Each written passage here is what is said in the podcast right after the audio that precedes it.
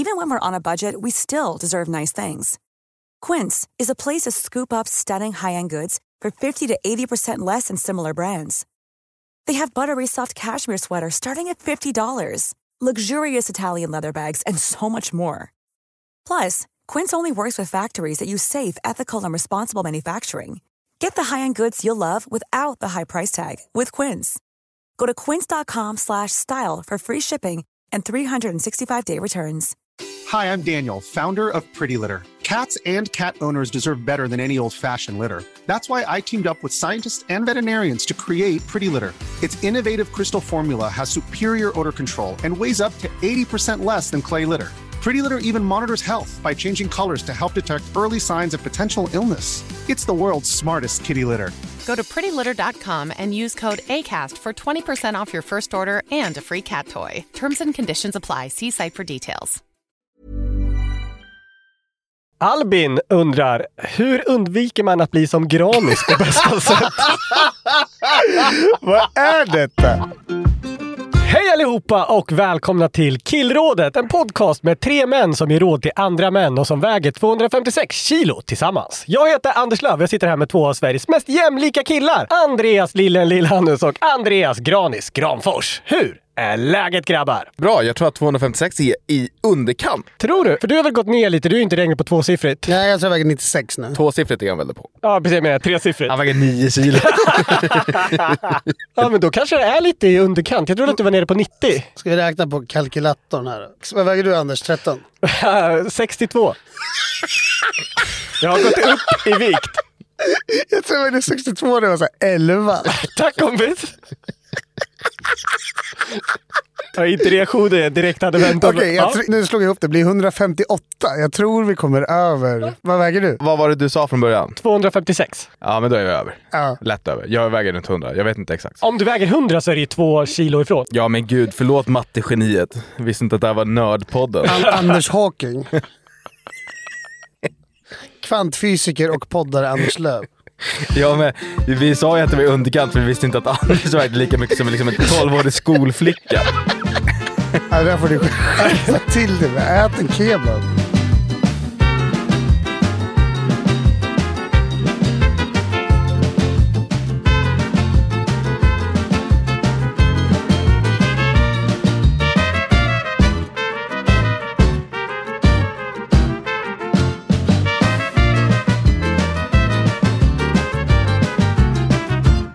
Man älskar ju en eh, bra anekdot, eller hur? Gärna lite uppkryddad. Jo, verkligen. Vad har vi på anekdoter, Granis? Det är ju då en berättelse om ett skeende eller händelse.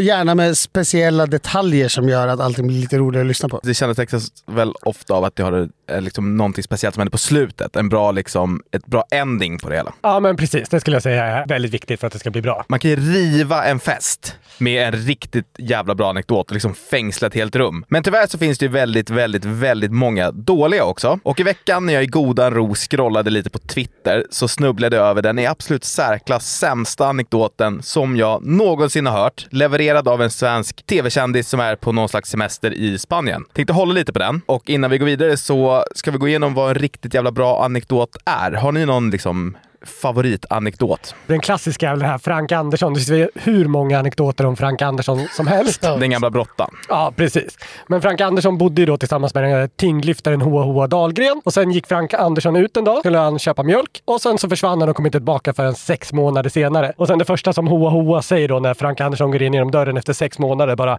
“Har du med dig mjölken?” Ja, det är fem plus. Den är otrolig. En annan favorit jag har, det är gällande Eh, Wayne Gretzky, tidernas bästa hockeyspelare. 1993 så spelade han i LA Kings och inledningsvis den säsongen så såg det ganska dåligt ut för dem. Eh, Gretzky var skadad, många fruktade att karriären skulle vara över och Kings såg till och med ut att missa slutspel. Men Gretzky kom tillbaka, gjorde 65 poäng på 45 matcher och liksom bar hela LA Kings till en semifinal. Serien mot Toronto Maple Leafs går hela vägen till en sjunde och helt avgörande match om vilket lag som går till final. Matchen spelas i oxtokiga Toronto. Det här vet ju du Granis. Hela världens största hockeystad. Och fansen där är ju som ingen annanstans. Inför matchen så ska Gretzky åka hiss från liksom läktaren ner till omklädningsrummet. Och när han kliver in där så står det en säkerhetsvakt där. “Tja, hur är läget?” frågar Gretzky, artig som han är. “Well, det är bra nu, men jösses, ikväll klockan 22.30 kommer det vara helt fruktansvärt”, svarar den här vakten då. Men vad menar du? frågar Gretzky. Ja, men du vet, den här staden den kommer bli fullständigt galen. Fansen är ju vilda så fort det går bra här. Ja, men Wayne Gretzky nickar lite på huvudet, kliver ut ur hissen, men innan han försvinner bort så vänder han sig om till vakten. Hörru du, du behöver inte oroa dig, säger Gretzky. Varför det? frågar vakten. Och Gretzky svarar, för att mitt jobb börjar vid 19.30. Det är starkt. Det är Ja. riktigt bra. Gretzky går sedan ut och gör sitt livsmatch. Han gör tre mål, en assist och skickar Kings vidare till final. Man måste ju backa upp en sån grej med Ja. prestation också. Men det är ju gåshud såklart. Ja. Men det finns som sagt dåliga också. Och innan jag ger er den absolut sämsta som vi någonsin hört så har jag verkligen finkammat det bibliotek som ju är internet för att hitta andra riktigt svaga anekdoter. Och eh, jag hittade några som jag tycker är liksom världsklass i uselhet. Om vi börjar med, för inte så länge sedan så hade Dusan Umisevic, programledare och profil på SVT, han satt i samband med en tennisturnering och eh, avbröt plötsligt alla för att prata om någonting helt oväsentligt. Många kanske har hört det, men vi kan ju lyssna på det ändå för att liksom förstå vad som är en riktigt, riktigt dålig anekdot. För det här är liksom alla dåliga anekdoters gudfader på något sätt. Förlåt till kontrollrummet och Blomman som sitter där och alla, alla ni som vill höra mer om, om själva eh, tennisen. Jag måste bara delge en historia som jag själv hade med eh, John McEnroe när jag var 2011 på plats i, eh, på Franska öppna. Jag träffade John McEnroe, jag frågade honom om jag kunde göra en intervju. Really? Now? Jag bara, ja men det, om det är okej, om det funkar. Okej. Och sen så svarade han lite pliktskyldigt. Vi var jättenöjda, vi kablade ut den intervjun.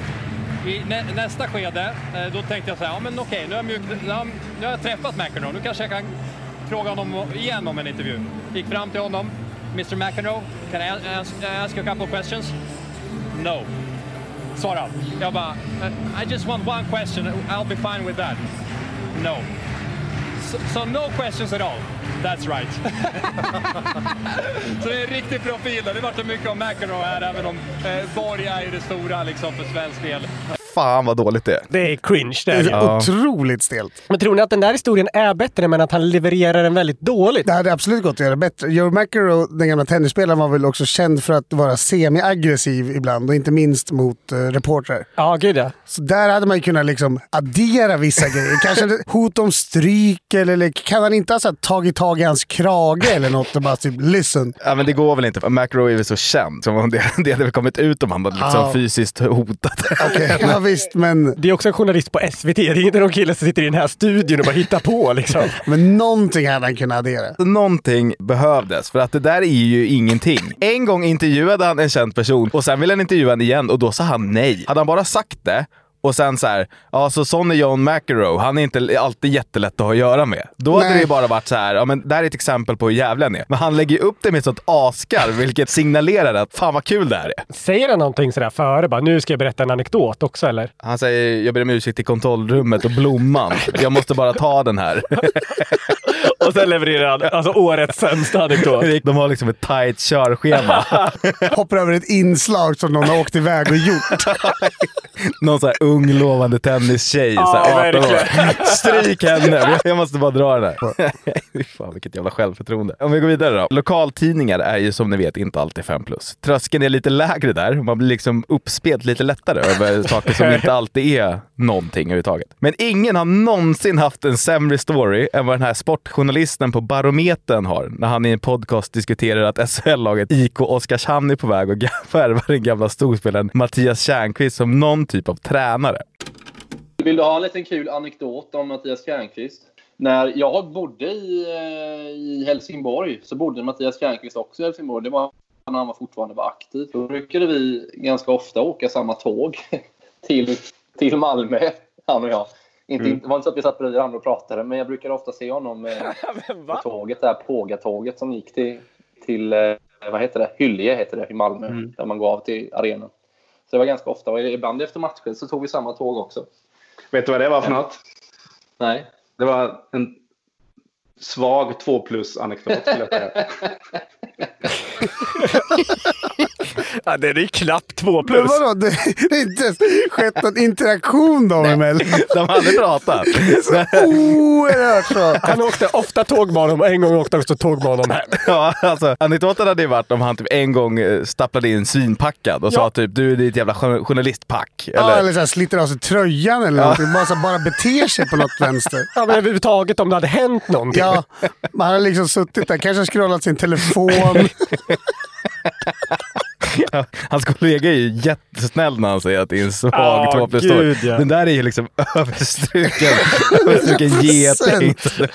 Det som förenar de här två är både att ha tagit lite ansats innan. Bara, nu ska jag berätta anekdot, nu ska jag avbryta kontroller. Alltså man måste vara försiktig med att bygga upp om man ska Ja. berätta något tråkigt. Det vi gör med det här segmentet, eller vad man ska kalla det, är ju att vi höjer ribban för oss själva på ett sätt som kanske inte är helt sunt. Nej, jag vet. Nu blir det riktigt svårt att droppa en så här skön story från helgen. Ja, men om jag någon gång blir så svag, då lägger vi bara ner podden direkt. När det gäller 9-11 så finns det ju hur mycket anekdoter som helst. Från det ena till det andra Ja, får man ändå det. lov att säga.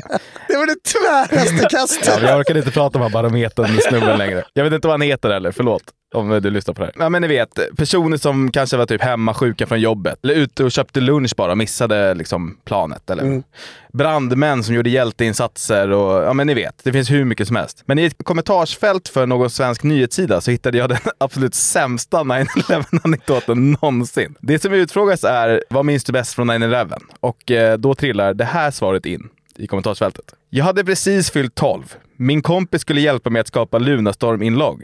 Vi startade modemet som kött och på Google-sidan stod det om det där. Samma dag hade jag fått min första mens. Är det allt? Den är otrolig! Hon lägger också till, ursäkta att jag blir så privat, men det här är ju ett sjukt sammanträffande. Här är det! Det kan inte vara. Vad är oddsen? Alltså just de oddsen att hon får sin första mens och att det kraschar två terroristplan in i två skyskrapor i New York, de är nog ganska höga. Hon får ju till en twist där i slutet. Man var ju inte beredd på att hon skulle få mens. Man kan säga att hon ligger i lä gentemot du vet, brandmännen som offrade sina liv och återförenades med sina barn. Och liksom. Mm, Är det Seth MacFarlane som eh, skapade Family Guy som egentligen skulle varit på ett av de flygen på 9-11 men typ försov sig och missade? Ja, precis, det är ju en jävla håll käften-story. Det är inte att han... Det är inte att Fick någon- mens. Nej, Upptäckte sina första pubishår.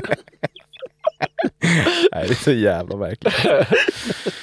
Om vi går vidare. Många reklamer är ju faktiskt också, utan att man tänker på det, anekdoter. Typ, eh, ni vet alla de här tandkrämsreklamerna. Typ. Jag trodde inte att jag hade plack i tänderna, sen eh, rekommenderade min tandläkare Sensodyne. Alltså förstår ni? En reklam för en nätdoktor har också en riktigt, riktigt dålig anekdot. Nu ska jag berätta om en grej. När jag var på väg hem från en resa, då behövde jag snabbt få en läkartid. Och vet ni vad? Redan på tåget hem kunde jag prata med en läkare via doktor.se. Det är svagt.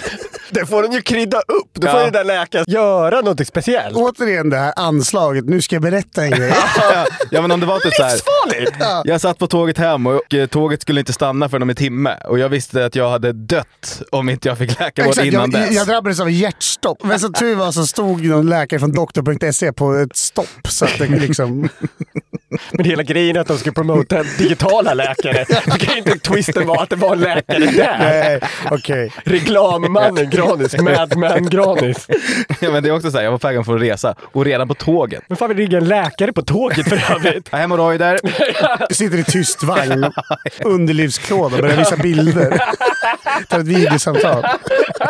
Ser du vårtorna här under ollonet? Är det farligt? Nu kan vi också fakturera doktor.se va? Ja, Ja, absolut. Vi, vi herregud har spelat upp deras reklam i podd. Ja, vi skickar faktura på och vi har bara sagt bra saker. Ja.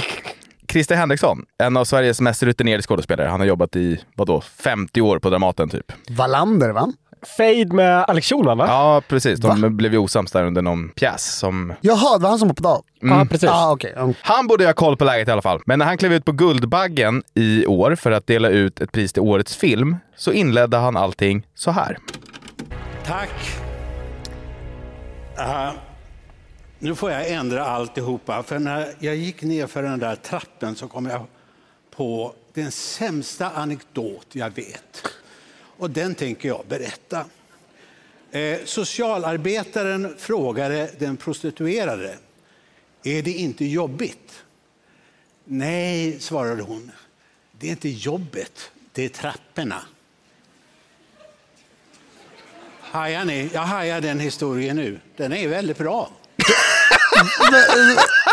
Jag förstod inte skämtet. Jag har aldrig varit så här förvirrad i hela mitt Nej. liv. För det första, det är ingen anekdot. Det, det är en fräckis Ja, han det är drar. en fräckis. Är det en fräckis? Socialarbetaren frågar, alltså det är väl en klassisk premiss för en Så här, jag historia. vet svaret, jag vet vad han försökte göra, men jag ska låta er dividera lite till. till för jag var lika förvirrad som ni, jag letade i tre timmar. Men jag fattar ingenting. För det enda som är fräckt med det är att det är en prostituerad med. För de säger inget fräckt annars. Jo, men jag tror slutklämmen nog ska vara någon typ av fräckhet. Kan inte Jag fattar- inte begripa vad det är. Jag fattar inte ens vem som frågade vem om vem som hade jobbigt på jobbet. Men socialarbetaren frågar väl den prostituerade Är det inte jobbigt? och då säger den prostituerade, det är inte jobbet, det Mm. är trapporna. Det är inget skämt, det är ingenting. Ja, men det är heller inte en anekdot. Nej, verkligen Han inte. måste ha blandat ihop anekdot med fräck historia. Och Han är liksom anställd av Sveriges största institution för scenkonst för Ja. att säga saker på scen. Men det är katastrof. Han byggde dock upp med att den skulle vara dålig och det ska han ju ha för det var ju kass. Men sen säger han också, men nu tycker jag att den är väldigt bra. Vad, vad är det? Vad betyder det? Jag fattar inget. Efter mycket efterforskningar så är det som Christer Henderson försöker göra är att få ett engelskt skämt till ett svenskt. Och det gamla engelska skämtet då är att någon frågar en prostituerad “Isn't it hard?” och hon säger “No, it's not the work, it's the stairs”. Ah, yeah. För att eh, den här prostituerade går mycket i trappor Ja. och att stairs också är blickar. Mm. Men när han översätter det till svenska så blir det ju jätteknasigt. Ja, nej fy fan. Jag vill bara att ni ska lyssna på skratten här efter igen. Det är inte jobbet, det är trapporna. Hajar ni? Jag hajar den historien nu. Hur många är det som är på Guldbaggen? Är det 800 personer och det är typ tre som skrattar väldigt nervöst? Det är någon som har ett jobb som är direkt beroende av Christer Henderson. Ja, det är hans Som- assistent, Ja. publicist och agent. Kanske frun som inser att det här var spiken i kistan. För. Men ingen av dessa anekdoter var så himla dålig och framförallt töntig som den Niklas Jihde levererade på Twitter häromdagen, dit jag ville komma hela tiden. Vi har varit ganska hårda mot Peter Jihde i den här podden, men hans bror Niklas har jag alltid gillat. Han är ju en duktig programledare på Viaplay. Han gör hockey och fotboll, eller? Primärt hockey va? Ja, men nu är det väl nog 50-50 då. Han är jätteduktig i alla fall. Ja. Men nu vet jag inte om min syn på honom kommer att kunna repa sig. Han är ju en gammal innebandyspelare och det märks verkligen i det här fallet. Ni vet, det är ju den töntigaste sporten som finns innebandy. Till hans försvar, han var väl världens överlägset bästa. Han är väl the Wayne Gretzky av innebandy. Jo, men är man världens bästa i världens töntigaste sport så kanske man också är världens töntigaste. Visst. Eller? Ja, jag köper resonemanget, absolut. Mm. Gida är i alla fall i Spanien och då med om något helt häpnadsväckande i hans värld. Han skriver så här. Åkte precis hiss med en glad irländare med två öl i händerna. Småpratade lite om Sverige. När han gick av så sa jag, två öl känns lite för en irländare. Han svarar, jag har redan druckit sju stycken. Klockan är 22.05 i Spanien. Men vadå? Det är allt. Alltså det som är hela poängen i det här är att Gide tycker att det är helt sjukt att den här irländaren har druckit sju öl klockan 22.05. Det är inte så många öl.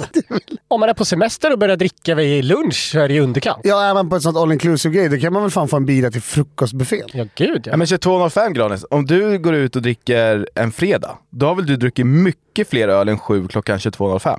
Det beror på hur hårt du dricker. Den här irländaren är ju också på semester i Spanien. Det är klart att han har druckit sju öl. Men vänta, kan det vara tvärtom då? Att han kanske är mycket smartare än vad vi tror? Att han också tycker att det är väldigt lite? Att den här irländaren har druckit för lite vid den här tiden? Nej, för det är någon som svarar honom så här. det här var ingen superstory va? Då ska- svarar han, lite småcharmig tycker jag. Ja. Vad, vad heter hon? Bloggerskan Hanna Licious. När hon var på semester i typ Palma eller något sånt där. Hon var på någon superresa, det här är ganska länge sedan, typ 7-8 år sedan. Så skrev hon på sin Twitter, nu är det folk som dansar på borden här. Då fattar ni nivån. Som att det var det absolut sjukaste som har hänt i hela världen. Att någon på en, vad vet jag, så här superhotell liksom kliver upp ett bord och tar några danssteg. Då fattar ni nivån. De är så himla tokiga. Ja, exakt. Men vad ska man göra då för att dra en bra anekdot? Spara på slutklämmen. Men man måste ha en slutkläm också. Ja, jo, till skillnad från Gide där. Ja. Och man måste också känna, känna in rummet. Kommer de som lyssnar bli imponerade eller häpna eller liksom underhållna av det här? Ja men hade Gide dragit den för sin mormor morfar kanske, då hade det kanske hållit. Men Twitter är liksom en väldigt mörk plats. Ja, han följs väl företrädesvis av så här, killar 18 till 40. ja, exakt. Som har liksom den osundaste dryckeskulturen i hela landet. Jag ser faktiskt här att eh, fotbollsprofilen Thomas Wilbacher har citerat tweet och skrivit “anekdotlådan är öppen”. Då är det någon som, som svarar och taggar in Dusan Umicevic och skri skriver “bara att kliva fram nu”. Då svarar Dusan Umicevic “hold my beer”. Det är kul. Det är kul! Men ge fan jag var så jävla töntig, Niklas. Och säg det till din bror Peter också, vi har inte glömt honom. Nu ska vi hoppa bakåt, kanske typ 20 år i tiden. Hade ni en Jessica i er klass? Stämmer bra det. Ganska blyg var hon. Hade du en Jessica? Jag försöker fundera. Jag har så himla dåligt minne om sådana här grejer. Har något svagt minne av att vi hade en Jessica. Hon var inte en 10 poängs människa, om man säger så. Hon låg inte längst fram i den sociala hierarkin. All right. Men poängen är i alla fall att vissa namn och därmed också personerna som bar dem försvann efter skolavslutningen i nian. Däribland... jo men vadå? Det fanns liksom vissa namn som Jessica, Linus, Evelina och Pontus. I viss mån även namnet Hampus, även om det inte var så vanligt just på min skola. Har man träffat en enda människa som bär någon av dessa namn efter 15 års ålder? Jag var tillsammans med en tjej i åtta år som hette Jessica. Okej. Undantaget dig då. Ja, men jag förstår vad du menar. Det, här, det är väl lite kufar. Kufar eller sådana som pikade väldigt, väldigt tidigt. De liksom förlorade oskulden i sexan, sjuan och började röka och dricka. Alltså senast åttan. Framförallt kanske Jessica av de här. Jessica och Evelina är ju riktiga rökrutenamn. Ja, Evve. Ja, verkligen. Vad blev det av Evve? Det, var det är som att de har gått upp i rök. Vart tog de vägen? Jag är ju lite yngre än dig. Mm. För mig är ju Hugo ett sånt namn. Men Hugo känns inte som någon som pikade tidigt. Nej, det var bara dampbarn liksom. Okej, för dampbarnen när jag gick i skolan, de hade ju namn som slutade på US. Det är liksom Det är så jävla specifikt! vår generations motsvarighet till Y-namn. Ni vet här som våra föräldrar gick i skolan Ja, med, ja, som heter absolut. Ronny, Conny och Sonny, som alla hamnar på kåken. Det känns som att alla som hade namn som slutade på US, alltså det vill säga Linus, Hampus. Det känns som att de tidigt fick problem med substanser och sprit och fick barn tidigt. Många hade också mössa med någon slags eld Ja, det, eh, vad, vad på. heter det? Vad, är det? Warp? Ja, exakt. Men det gick ju bara under namnet dampmössan. Alltså går det att dra någon slags rätlinje mellan Jessica, Eve och US-namn och Livets Hårda Skola? Man skulle vilja se någon sån jämförelse, man matar in data i ett dokument och ser liksom någon graf på detta. Ja. Det är en gnutta generaliserande det. Men det är ju verkligen kul med Pontus för att min bästa kompis när jag typ gick i högstadiet hette Pontus. Och från att vi slutade nian då har inte jag träffat honom en enda gång. Nej men typ Jessica, jag, bortsett från din före detta flickvän som jag träffade två gånger tror jag. Ja. Alltså sen jag slutade nian. Hon fick ju ofta höra att det var ett rökrutenamn också. Hon levde ju med den skammen. Är det så? Ja, gud ja. Det förföljde ju henne. För det var ett namn som borde ha tappats bort. Tror du folk kommer heta Jessica och Eve snart igen? Ja, men det skulle väl vara kanske folk i min ålder och yngre som inte vet att det är rökrutenamn. Nej, exakt. Jag vet inte ens vad en rökruta är. Alltså, vi har, jag har aldrig sett en Men rökruta. vadå, vart rökte ni på skolgården? Kanske utanför skolans område. Typ. Okej, vi hade ju så designated på skolområdet. Ja. Område där man fick röka. Ibland var det till och med kritat upp vart man fick. Så hade vi i alla fall. Då skulle man stå innanför det. Jag tror att det ändrades ganska mycket där till att rökning var eh, sämre. När vi, jag och Anders gick i skolan var inte rökning farligt än. Uppmuntrades. Gravida rökte fortfarande. Man håller sig smal om man tar en cigg. Vadå då? Det var alltid så att man rökte light-cigaretter för att man inom citationstecken försökte sluta. Så hade man rökt så här, fyra cigg i sitt liv. Vad lite man gjorde för uppmärksamhet. Hade inte ens nästan börjat. Nej, nej, gud, var inte i närheten av Men drastiska drag för att sluta. För man var så otroligt beroende. Det gjorde min kompis lillebror en gång. Vi gav honom en snus, på den. han kanske var 13 eller någonting. Och så tog han ut den efter 30 sekunder. Det sved väl under läppen antar jag. Men så kommer han in efter 25 minuter till och säger Fan, jag tror jag måste ha mer. Alltså, jag, tror, jag tror jag är beroende. När jag var typ kanske 12 innan jag hade börjat snusa på riktigt så hade jag fått tag i en snus. Alltså inte ens en dosa utan en, en, En portion. portion. Ja. Så jag hade den liksom en hel dag. och så kom jag hem och så la jag den liksom på ett papper i mitt rum. Tog jag samma snus dagen efter visade upp i skolan. Så, ja, det är klart man snusar. Det var inte en tillstymmelse till smak i. Men det var så när man var full första gången, så hade vi, vi hade väl samlat sprit i liksom så här flera veckor. Och sen så fort man kände av någonting så ringde jag från mitt Telia kontantkort som kostade liksom 6 kronor i minuten att ringa ut. Överdrev ju fyllan. Å det grövsta naturligtvis. Ringde till massa tjejer och kände bara "Åh, jag är så himla full. Kom och rök light-cigg med mig. ja, men typ. Låg i det där diket i Torshälla utanför Är det golfbanan. Jessica? Det här är Granis. Då ringde man till Jessica. Hoppas ni mår bra alla Jessicor där ute. Ja, vi önskar er allt gott. Invånarna i Grästorp fick se ett eh, bryskt uppvaknande förra lördagen. Alltså, när det är inspelningsdags så är det här alltså första juli. Är det första gången någonsin någon i Grästorp får ett bryskt uppvaknande? Jag kan tänka mig det. I alla fall, det var vid 03.30 som grannskapet runt Grästorps kyrka vaknade till ljudet av kyrkklockor som ringde. Och en liten stund senare kunde även de som hade svårt att somna om se två personer i prästkläder lämna platsen spelandes på en bongotrumma. Det rörde sig There's never been a faster or easier way to start your weight loss journey than with PlushCare. PlushCare accepts most insurance plans and gives you online access to board-certified physicians who can prescribe FDA-approved weight loss medications like Wigovi and Zepbound for those who qualify. Take charge of your health and speak with a board-certified physician about a weight loss plan that's right for you. Get started today at plushcare.com slash weight loss. That's plushcare.com slash weight loss. plushcare.com slash weight loss. Planning for your next trip? Elevate your travel style with Quince. Quince has all the jet setting essentials you'll want for your next getaway, like European linen, premium luggage options, buttery soft Italian leather bags, and so much more. And is all priced at 50 to 80% less than similar brands. Plus, Quince only works with factories that use safe and ethical manufacturing practices. Pack your bags with high-quality essentials you'll be wearing for vacations to come with Quince. Go to quince.com slash pack for free shipping and 365-day returns. Vi är som vanligt sponsrade av våra vänner borta på Hyper och vi vill inleda med att säga stort grattis till alla som ryggade trippen förra veckan. Det är ju så att vi eh, släpper ett speltips här varje helg och efter några veckor i rad med stolpe ut så blev det förra veckan äntligen vinst igen. City slaktade Wolves planenligt och det var total gåshud på söndagskvällen när Liverpool krossade Tottenham. Även om det går väldigt bra för oss ibland så är det viktigt att poängtera att vi är inga experter. Man ska därför aldrig spela för pengar som man inte har råd att förlora och spelandet ska alltid vara något roligt. Nu siktar vi att gå back-to-back med vinster här och i helgen så tror vi att båda lag gör mål i matchen mellan Norrköping och Hammarby i Allsvenskan. Vi tror också att Häcken-Kalmar går över 2,5 mål och båda lagen gör mål i den här matchen. Och så tror vi att AIK-Sirius den går över 1,5 mål.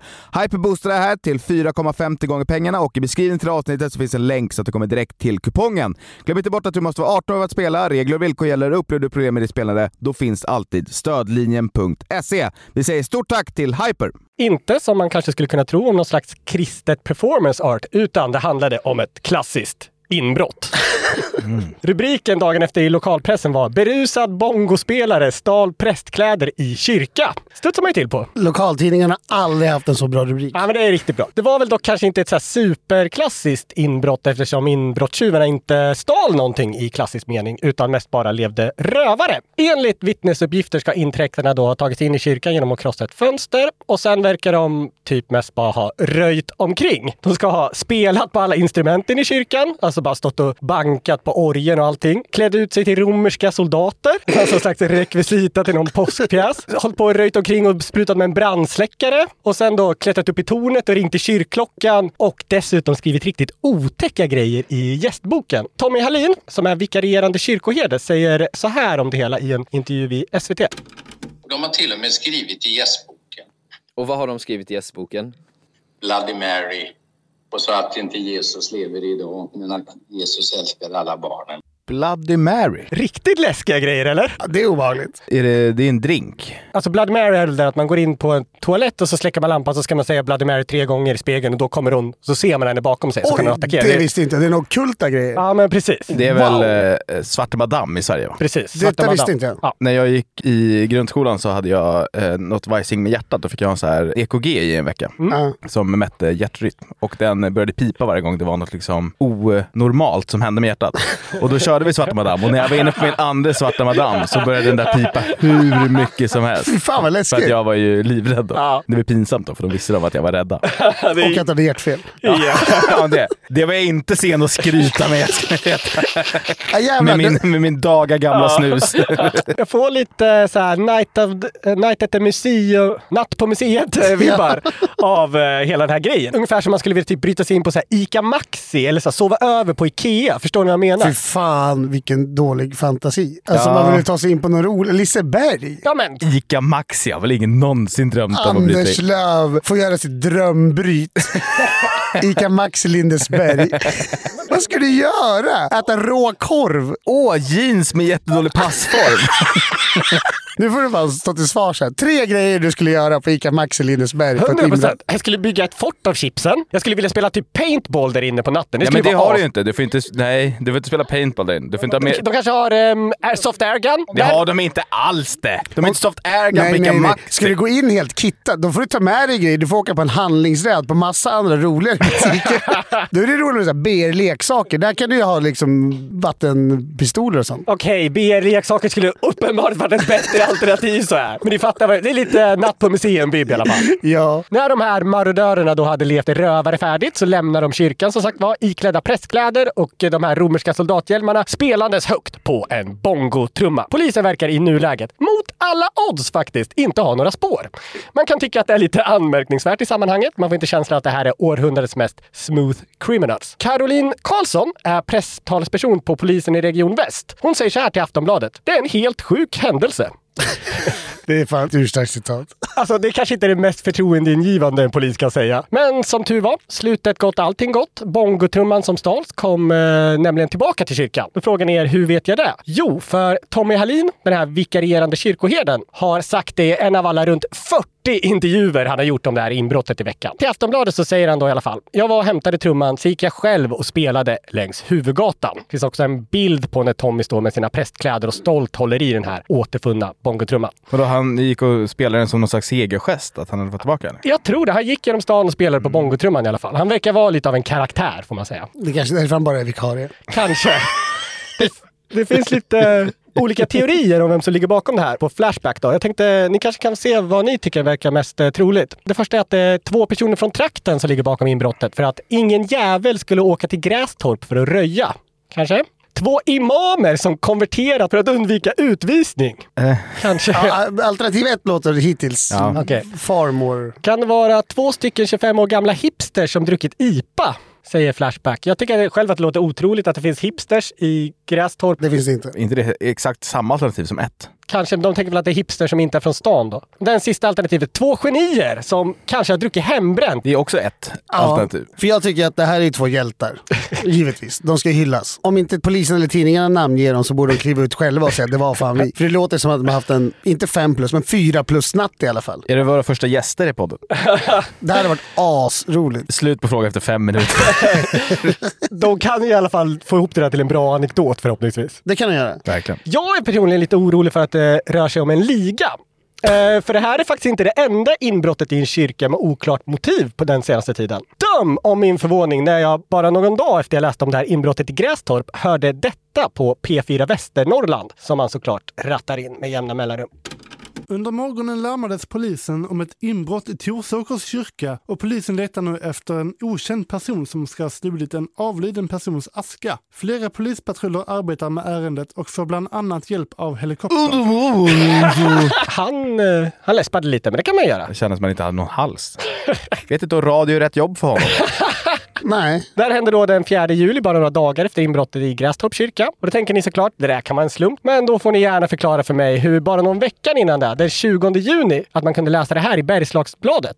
Inbrott i kyrka i Köping. Okänd gärningsman tog sig in genom fönster och fick med sig en liten summa pengar från en av kyrkans kassor. Under pågående inbrottet hann gärningsmännen även med att ta en fika. Det som jag i alla fall tycker är väldigt tydligt som är gemensamt med de här olika inbrotten är i första hand att de inte verkar ha några ekonomiska motiv. Alltså visst, de tog pyttelite pengar men det rörde sig om några kronor. Och det andra är att polisen inte har några misstankar. Eller som polisens presstalesperson i Region Väst, Caroline Karlsson skulle ha sagt. Det är en sjuk händelse. Det är såklart tråkigt när våra offentliga institutioner fallerar. Så det tänkte jag att vi kanske här tillsammans skulle kunna försöka hjälpa polisen att lösa det här brottet. Jag undrar om ni kanske känner till någon som har koll på olika kyrkor i landet? Gillar att ha på sig presskläder älskar uppmärksamhet. Nyligen erkänt att han gillar att gå runt på stan och spela bongotrummor på gatorna. Ja, det är han som har gjort det mot sig själv. Alltså jag tror 100% så här, Tommy Hallin, den här vikarierande kyrkoherden. Han har koll på olika kyrkor i landet. Han åker runt och vikarierar. Han älskar uppmärksamhet. Liksom, han gör 40 intervjuer om det här eh, inbrottet. Att ringa i kyrkklockor liksom sent på natten är också en person som älskar uppmärksamhet, eller hur? Det får man lov att anta. Men till hans försvar så är det väl inte han som har ringt Aftonbladet? Alltså att han ställer upp på 40 intervjuer har inget att göra med hans uppmärksamhetsbehov, utan det har att göra med nyhets... Han kan ju avböja. jag tror inte att det är så många som... Och om man är vikarierande kyrkoherde, då är man väl inte det för alla kyrkor i Sverige? Då är man väl det för en församling? Okej, okay, jag hör att ni är skeptiska. Om jag säger så här då. Han tog över som vikarierande kyrkoherde i Grästorp samma morgon som inbrottet upptäcktes. Det är olyckligt, givetvis. Ja, det är olyckligt. Men det är långt upp till Norrland. Är det det? Ja, det är jättelångt för att sno en urna. Där kändes det som något personligt motiv. ja, okej. Okay. Jag tycker i alla fall att hon, eh, Caroline Karlsson, på polisen i Region Väst skulle i alla fall ringa upp Tommy och fråga vart han var någonstans natten mellan den 20 juni och natten den 4 juli i alla fall. Hon verkar inte vara så sugen på att utreda överhuvudtaget. Helt sjukt. Basketspelaren Jonas Jerebko, han är i blåsväder nu, för han skrev alltså på för ett professionellt basketlag i Ryssland efter att de inlett sitt eh, krig i och mot Ukraina. Och det här fick han givetvis väldigt mycket kritik för redan när det skedde. Han sparkades från landslaget om jag inte helt misstar mig. Han fick ett tydligt besked att du är aldrig välkommen tillbaka. Hans kontrakt gick ut i juni förra året och nu, ett år senare, så säger han förlåt i en jättelång intervju med TT. Och säga förlåt om man gjort fel är väl bra på alla sätt och vis. Det betyder att man har insett vad man har gjort, etc. etc. Men just med idrottsstjärnor så finns det ofta en känsla av att ursäkten kanske inte betyder så mycket för dem personligen, utan det sägs mer för att det måste sägas. Och han säger också emot sig själv under den här intervjun. Det finns två citat här som är direkt motstridiga. Det ena lyder “Jag ville ta mig tillbaka till NBA och det här var min enda chans. Jag valde att ta den chansen, men om jag hade fått den här chansen igen hade jag inte tagit den. Det är lätt att vara efterklok.” Apropå att han skrev på för CSKA Moskva, som dessutom är arméns eget lag. Lite längre ner i intervjun får han frågan om att komma tillbaka till svenska landslaget och det faktum att han inte har hört något från den svenska landslagsledningen trots att han är den mest framgångsrika svenska basspelaren någonsin. Då säger han så här. Det är frustrerande. Jag hade planer på att spela de där månaderna i CSKA, komma hem och spela för landslaget och sedan lägga skorna på hyllan. Då undrar man ju, vad är det han har velat?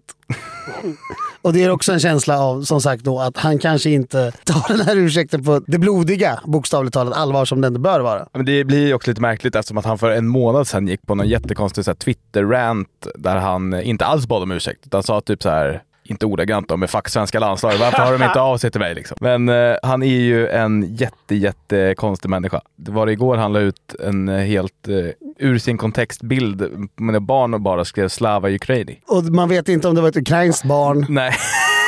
Eller om han är i Sverige och gör detta eller vart ifrån det kommer. Han bara la upp ett random barn och skrev Slava. Nej, en bild på sig själv, ett barn och vad jag antar är barnets förälder. Eller barnets tränare på mm. en basketplan. Och så står Slava Ukraini. Det, det, det väcker också en del frågetecken. Men det är också, Jonas Jerebko är ju, eh, han var ju en ganska stor ändå för att vara svensk. Han spelade tio säsonger i NBA och den enda som har spelat i en NBA-final. Så han hade kunnat spela i nästan vilken europeisk klubb som helst. Nästan. Ja, det finns ju bra basketligor med höga löner mm. i Spanien till exempel. Mm. Mm. Men han valde att gå till CSKA och eh, dessutom hålla käften om det. Ja, han yttrade inte ett ord. Nej. Men det blev eh, avslöjat av någon, liksom. inte så att det, han gick inte ut med någon pressmeddelande? Nej, ja, men det gjorde ju CSKA såklart. Ja. Men han, det var inte så att han klev dit och sa i en intervju i Sverige att jag vet att det här är lite förkastligt, ja. men... Eh... Jag gör det här därför, bla bla ja. bla. Det gjorde han inte. Men den här ursäkten påminner lite om Paolo Robertos ursäkt som sker, vad är det, 15 timmar efter att han ertappats på en bordell på Östermalm. Det var ett jävla otur, det var första gången också. Ja, han han stövlar ju då, utan att vad jag får anta har konsulterat sin PR-person, rakt in i Nyhetsmorgonstudion och sitter och är ångerfull och säger att det är första gången och att han använder köp av prostituerade som ett självskadebeteende, Mm. vilket ju också är bland det grövre man har sett på Svensk Morgon-TV. Ja, den där intervjun var ju stark alltså. Det är ju rakt av tv-historia. Finns det fler sådana lama ursäkter? Chefredaktören för KP, vad heter han igen? Ola Lind. Ola Lindholm. Ja, precis. Efter han åkte dit för kokain efter någon eh, allsvensk match va? Ja. Så gick han väl ut och bara blånekade i typ ett år. Alltså håller på att blev av med allt. Det var väl också en katastrofhantering, eller? Alltså om man blir tagen av polis för ett brott och blir fälld för det så är det spontant rätt dumt att neka. Men har det där ursäkten någon la kokain i min drink någonsin funkat? Var det det han sa? Ja, jag tror det. Någon måste ha lagt det i min öl liksom. Vem skulle ödsla kokain på Ola Lindholm? Nej, på en AIK-match. det är inte så att det är liksom okokainiga snubbar där redan. Det är inte många bjudlinor på Råsunda. Då är det dags att svara på era otroligt fantastiska frågor som vi älskar att ni skickar in. Det är ni som gör att vi kan fortsätta göra den här podden. Så fortsätt skicka in och bara så det väl smäller om det. Nu kör vi igång med den allra första och den är från Sven Gul. Vad är det optimala antalet enheter för en lyckad semester? Inom parentes fyra veckor. 280 öl. Vänta, det blir 70 per vecka. Jag tänkte 10 om dagen. Ja, taget. Om du är irländare, då ska det vara dubbla eller? Nej, då är det nio innan klockan eh, midnatt. Eller framförallt sju innan klockan 22. Har du inte druckit minst 20 om dagen så är det ingen anekdot i alla fall. Nej. Nej, så är det verkligen. Min sambo undrar varför killar är så jävla dåliga på att leta efter saker, frågar Olsson. Här måste jag säga, inte alla män. För jag är otrolig. Eller jag behöver aldrig leta efter saker för jag vet alltid vart allting är. Du är oväntat ordningsam. Folk vet inte det här om dig. Jag kan glömma saker på ställen. Jag glömde en väska på krogen här veckan. Men jag vet exakt vart den är. Och jag fick tillbaka den två dagar senare. Är du bra på att leta efter saker, Lillen? Nej, det är jag inte. Jag är väldigt dålig på att leta efter saker. Jag vet inte varför det är så faktiskt. Lite pinsamt. Men om jag lägger det någonstans, då har jag stenkoll på vart det är. Mm. Jag tycker tjejer lägger saker på så himla konstiga ställen. Killar lägger saker på plats. Ja. Tjejers saker hamnar någonstans. Ja, alltså så här, min tjejs airpods, hennes Mm. fodral, det kan liksom vara på balkongen helt plötsligt, fast det är liksom minusgrader. Saker och ting har en plats Ja. och därifrån flyttar de sig aldrig. Så vem på frågan Olsson, varför är tjejer så jävla dåliga på att lägga saker? På rätt plats. Vilken dräneringsfirma i Eskilstuna dränerar billigast? Från Instant Anka. Det hade jag kunnat svara på om jag visste vad en dräneringsfirma gör för någonting. De dränerar saker. Mm. Men vad dränerar? Man har hört att hus dräneras. Är det inte gräsmattor som dräneras? Man kan göra båda två. jag kan inte svara på vilken Eskilstuna som är billigast. Det vet jag faktiskt inte. Får jag bara säga en sak till alla som lyssnar? Det är väldigt många Eskilstuna-frågor. Jag har inte fått en enda fråga om Ösmo. är det för att det bor sex personer där? Det Eller? här stämmer inte. Det finns en fråga från Ösmo. Jag kan ta fram den. Gör det det? Ja, absolut. Kör den nu då. Jag ska köra den. Så bara ta fram. Wow! Den är från Alexander och den är så här. Hur känns det att Sorunda ligger före Ösmo i division 7, som för övrigt är pinsamt låg nivå? Ja, det är klart. Alltså, jag visste inte om det här, men när jag hör det så blir jag helt förkrossad. Har du inte koll på södra Stockholmssjuan? vad i helvete? Ja, men det heter inte så här södra, det heter så här division 7 L. Jaha, okej. Att det finns så himla många serier. Ja. Och ju högre bokstav det är, desto längre söderut är det. Ja, okej. Mm. Men eh, det är för jävligt. Det var inte som på mina glansdagar direkt. Då jag nästan aldrig förlorade mot Sorunda. Sorunda var ju liksom en eh, håla utanför Ösmo. Alltså, ja, alltså verkligen. Och eh, de hade liksom en kohage precis bredvid deras plan. Så om någon sköt över, jag var i målet och skulle hämta bollen, då fick jag ibland hoppa in i hagen bland kor. Alltså det här låter som ett skämt, men det är det inte. Så hur känns det att vara så jävla bonnig egentligen? Det är väl asfint? Ja, det var lite fint. Så här i efterhand så gillar jag det jättemycket. Ösmo får ju lov att höja sig i divisionerna i alla fall. Snart får man fan eh, Kliva tillbaka. göra en bejublad comeback i modeklubben. Spelande tränare. Oh, det skulle vara jävla starkt. Du har inget annan eh, firma i Eskilstuna som du skulle vilja göra lite reklam för nu? Jag skulle vara Älgfolkbygg då, där min pappa jobbade i 300 år. Han jobbar inte där längre. Han är pensionär. svagpushande. Brorsan vart jag var. Det är i Eskilstuna. Granis sov ju på deras kontor. Eh, i, ja, det var för att säga det. kan, du bli, kan du bipa det här? Nästa fråga. Granis sov på ett kontor i Eskilstuna i helgen för att han hade tappat bort på nycklar hos kompisen han skulle sova hos. Han blev, blev utskickad eller bara väckt mitt i natten för att han snarkade så högt så de som jobbade natt kunde inte jobba. Jag blev hänvisad till ett annat kontor. Där blev jag nedbäddad på en jätteskön soffa. Otroligt väl omhändertagen. Hästen skriver så här. Jag är sjukt sugen på en kollega sexuellt, inom parentes, jobbar inom SOS. Hur, hur fan går man tillväga för att ro knullbåten i hamn? Vi är 30 år och singlar. Hästen? Va? Vadå häst? Signaturen heter hästen. Ja. Och jag skulle säga om det är så, så köp tajtare byxor.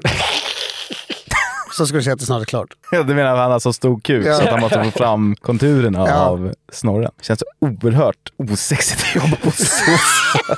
så här, vad gjorde du på jobbet idag? Jag tog hand om en eh, självmordsbenägen 12-åring. Alltså vi avhyste en mamma från sitt barn. Ja.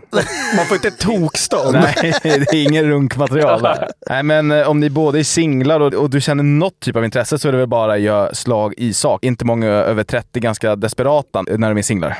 Så det är väl bara liksom fråga så kommer det nog... Hon kanske tänker exakt samma sak. Hur får hon eh, knullbåten i hamn? Nu vet jag inte hur det ser ut med after works om om man jobbar inom eh, socialtjänsten. Men en sådan vore ett bra tillfälle att visa från sin allra bästa sida. Eller så kan han ljuga och säga så här, fan jag hade bokat en restaurang, jag skulle ut och käka med min polare ikväll. Men han eh, avbokade. Vill du hänga med istället? Mm, det går också jättebra. Har semester nästa fredag. Tips på hur jag kan fördriva tiden snabbare, utöver jobbet såklart, frågar Alex. Det man kan göra så här sista veckan innan man går semester, det är ju att bara ge upp jobbet. Alltså man zonar ut fullständigt, om man kan det. Du vet ju att snart kommer du få himla mycket vila. Så här, sov typ tre timmar varje natt. Så här, var uppe och kolla en film mitt i natten eller så här, bingea någon serie. Så här, njut lite, käka god mat och så här. För det är hemskt den här sista veckan alltså. Så gör livet lite roligare och liksom inte så, eh, så, så tvingat. Så jag, om jag förstår rätt nu, man ska liksom vara uppe så sent man kan, så man är så trött på jobbet så är det lättare att zona ut så tiden går snabbare innan man får semester. Ja, men man mår ju bättre om man gör grejer som man egentligen vill göra istället för tråkiga saker. Det finns också det här, om man har ett jobb där man kan, vad säger man, jobba undan. Så kan man ju bara ta tre första dagarna i veckan och jobba 12 timmar. Och sen jobbar man fyra timmar på torsdagen. Och så får man semester en och en halv dag tidigare. Tungt om jag på bandet på fabrik dock. Ja, om man har stämpelklocka blir det svårt.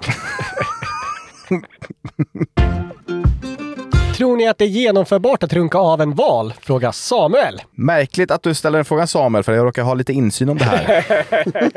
Förr i tiden, på till exempel, eh, vad heter de här vattenparkerna för djur? Vad heter det? Vattenparker? Sea World. Ja, Sea World typ. Då använde man, hör och häpna, kovaginor för att runka av valar.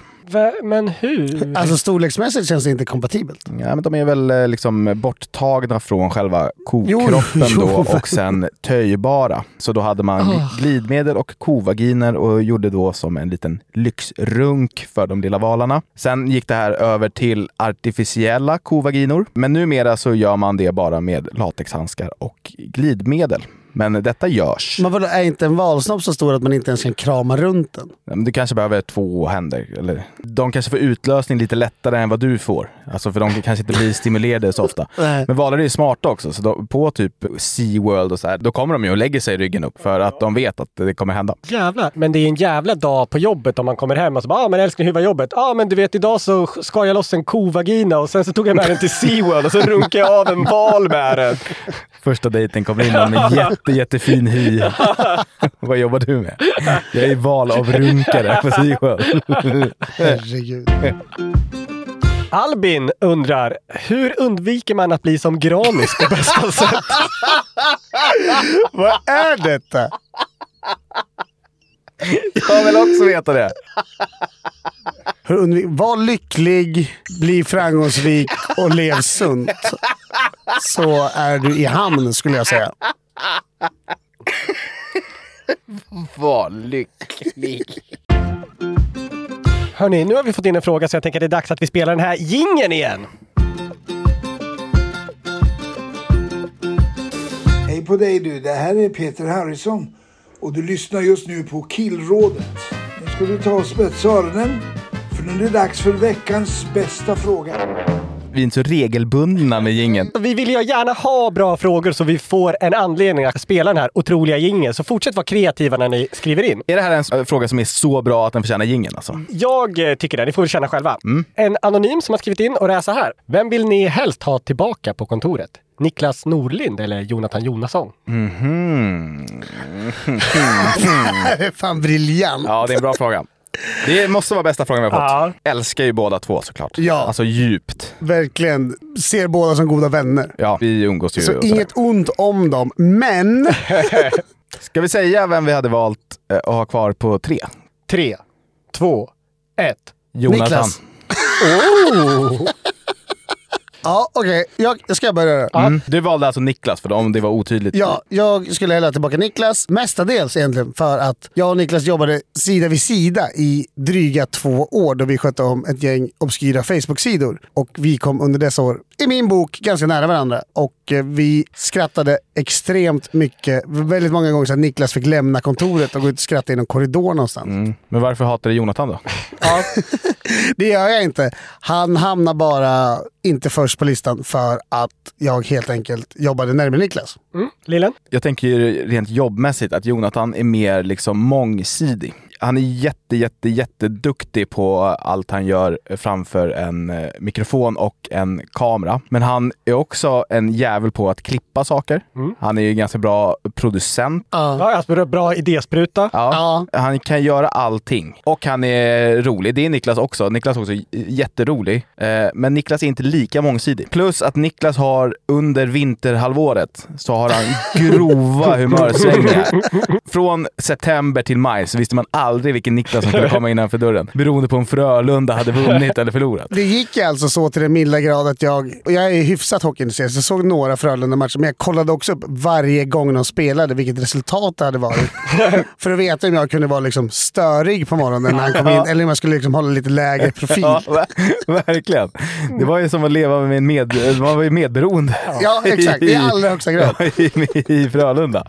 Eh, Men Jonathan var ju också vidrig när han inte hade ätit. Han kunde ju vara ganska elak, eller? jag tycker det är lite charmigt också. Han är som en stor bebis.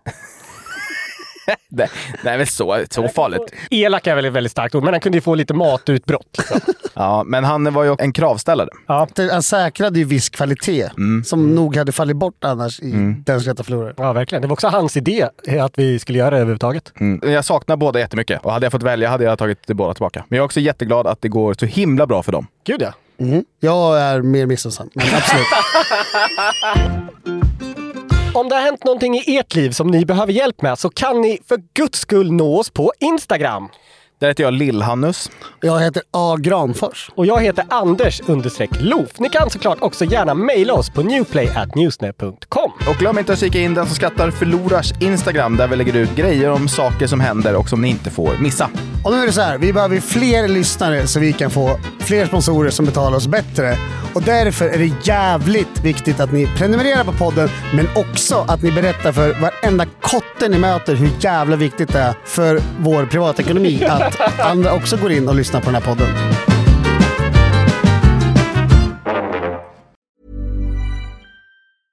Even when we're on a budget, we still deserve nice things. Quince is a place to scoop up stunning high-end goods for 50 to 80% less than similar brands.